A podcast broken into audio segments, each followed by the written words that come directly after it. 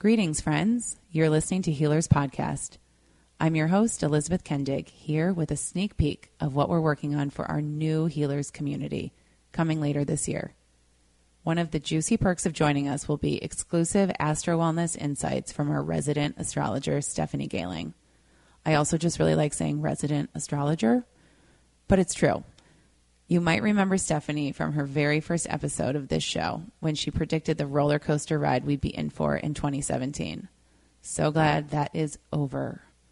Today, I'm handing the mic to Stephanie to help us navigate Venus retrograde season, a six week journey which is in effect through November 16th.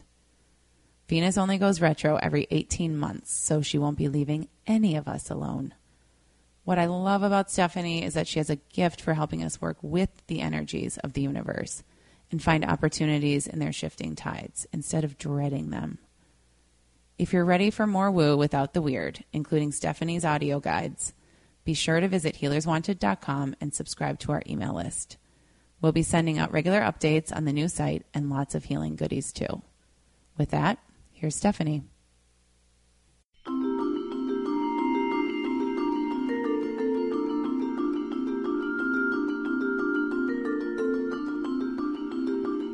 Hi, Healers community. This is astrologer and wellness consultant Stephanie Gailing, and I'm honored to be able to share astro wellness insights with you each month. My aim is to give you a compass that you can use to navigate each month through understanding the opportunities and the challenges that the astrological landscape inspires. For the Astro Wellness Insights for the month of October 2018, I want to focus on a really important alignment that begins early October and goes throughout all of October and actually into November, and that is Venus retrograde. So, Venus retrograde. What is Venus retrograde? First off, Venus retrograde occurs every 18 months, so it's less frequent than Mercury retrograde, which occurs about three times a year. When a planet like Venus goes retrograde, it appears to be going back in the sky.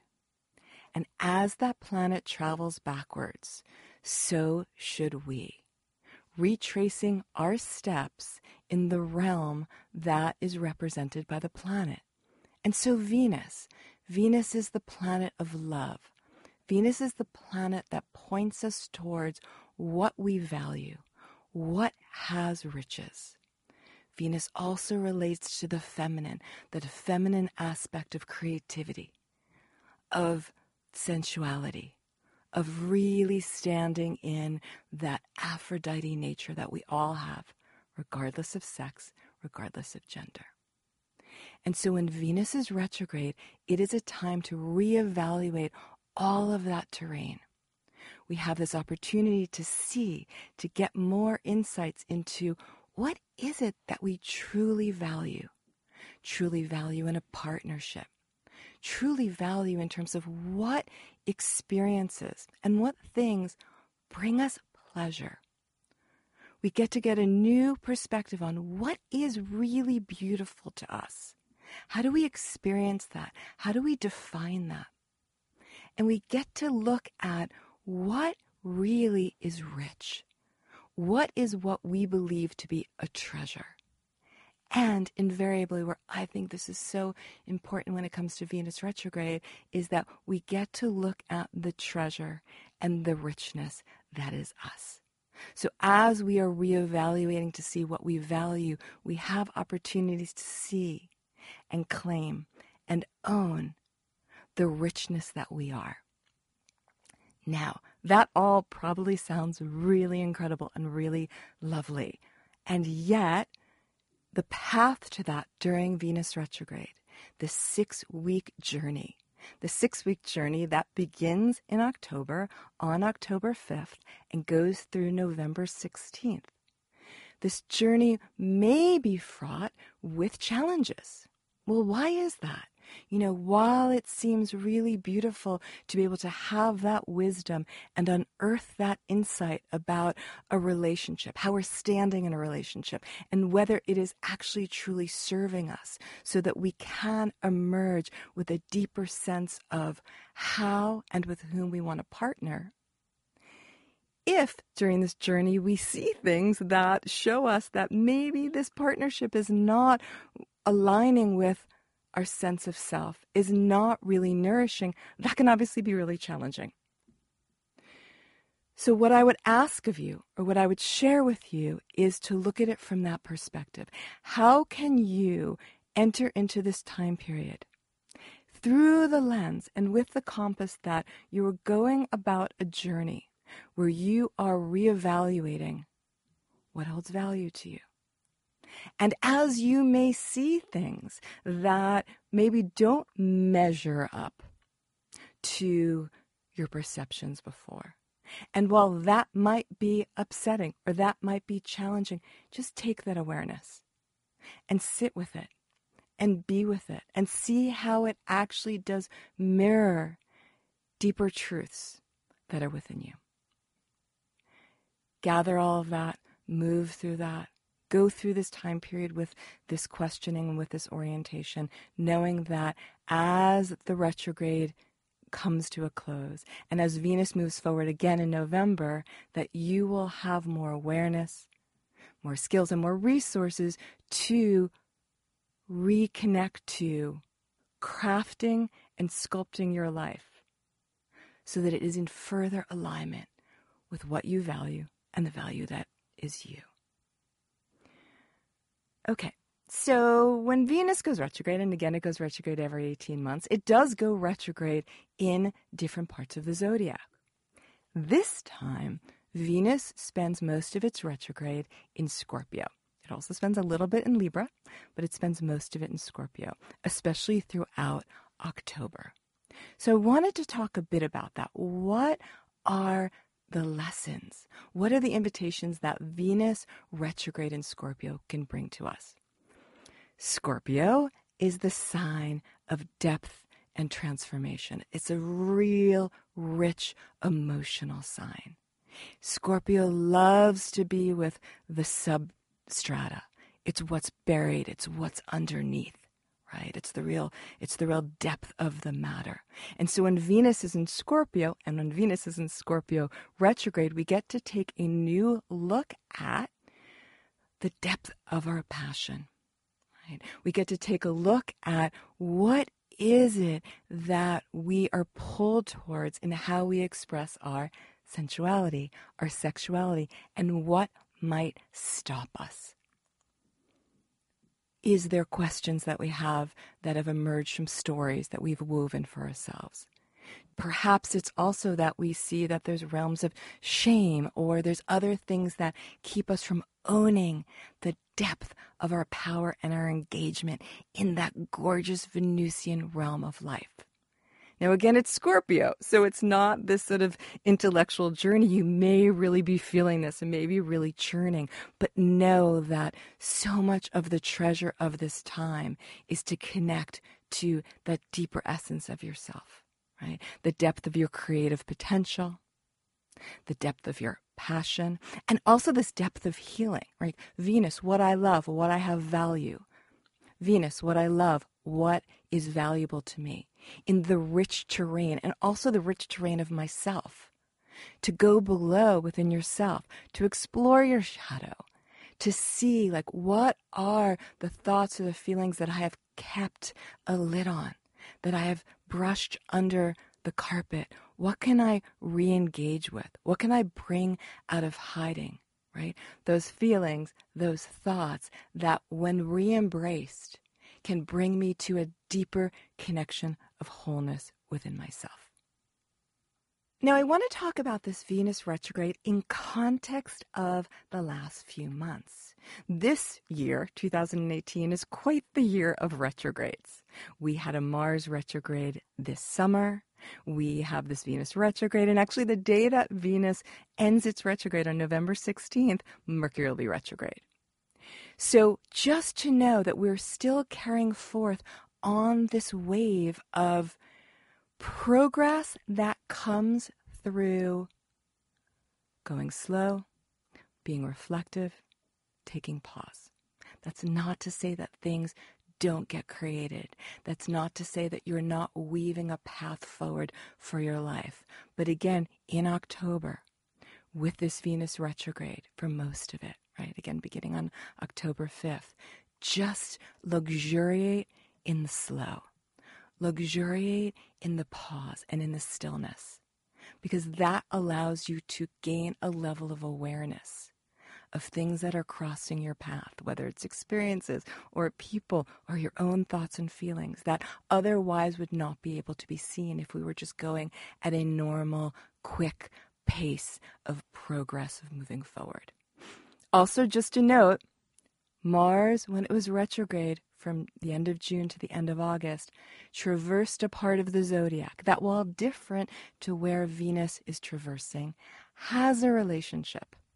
So you may very well see that realms of your life that you were getting a new perspective on that were triggered through this Mars retrograde, that were activated, where you stood back and you gained a new perspective. These may be coming for a second pass in terms of seeing how to handle, how to understand more of the value of creating from these areas.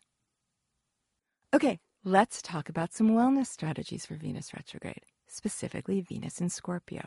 So, I wanted to talk about three flower essences that I feel could be very helpful. One is holly.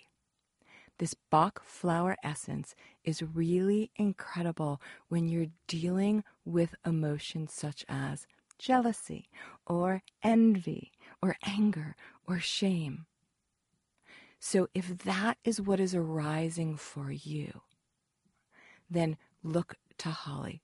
Look into holly to see whether this feels that it's in alignment with what's coming up for you. Another one is basil. Basil is a really beautiful flower essence for times when you realize that you want to connect to a deeper level of your sensuality, of owning your sexual life in a much more deeper, richer, truer way, but that shame is getting in the way of that. And so basil can help to transform that shame, to release that, so you can stand in that gorgeous space that allows you to be intimate more with yourself and with another. And lastly, there's scarlet monkey flower. Scarlet monkey flower is really therapeutic when we find ourselves pushing away feelings that are not, quote, pretty, right? Not Venusian whether that be anger or shame or any of these other feelings that we say, that's not pretty. I can't express that. So we push them down, we push them away. But of course, invariably, they don't disappear. We're also not being integral and honest with ourselves and our emotional nature. And as they don't disappear, they may rear their head and they may come out as a passive aggressiveness, right? Or this sense of frustration what scarlet flower enables is this bringing in, this reeling back in these feelings and seeing them as healthy, allowing us to express that, to own all of those feelings and have a much more holistic relationship with the wealth and the breadth of all that we feel. Also, some lifestyle practices right? If we think about Venus retrograde again being about reevaluating what has value, it's a really beautiful time to clean out your closet, right? Does this shirt, do these boots, do any of these things in my closet, do these really hold the treasure of beauty for me? Or was this just something that I felt had value that adorned my life back at a different stage? So clean out your closet, clean out your cosmetics, again with Venus ruling beauty. Also, explore sexuality, read erotica, and really also connect to your diet to see what are the foods or the patterns of eating that give you that energy, that allow you to tap into that depth of vitality, and which ones dampen that. So in October, as we are moving through this Venus retrograde, again with Venus being in Scorpio, and as I've shared what these tenets of Venus in Scorpio, these themes of Venus in Scorpio may offer for all of us. Of course, if you know your astrology chart, you can see where Venus is doing its retrograde dance. Venus starts going retrograde at about 11 Scorpio, and at the end of the month, at the end of October, it will just have entered Libra. So look to see if you know your chart where 11 Scorpio to 0 Scorpio is, and this is the area where you will be finding yourself having this personal reflection, this reevaluation, this retracing your steps.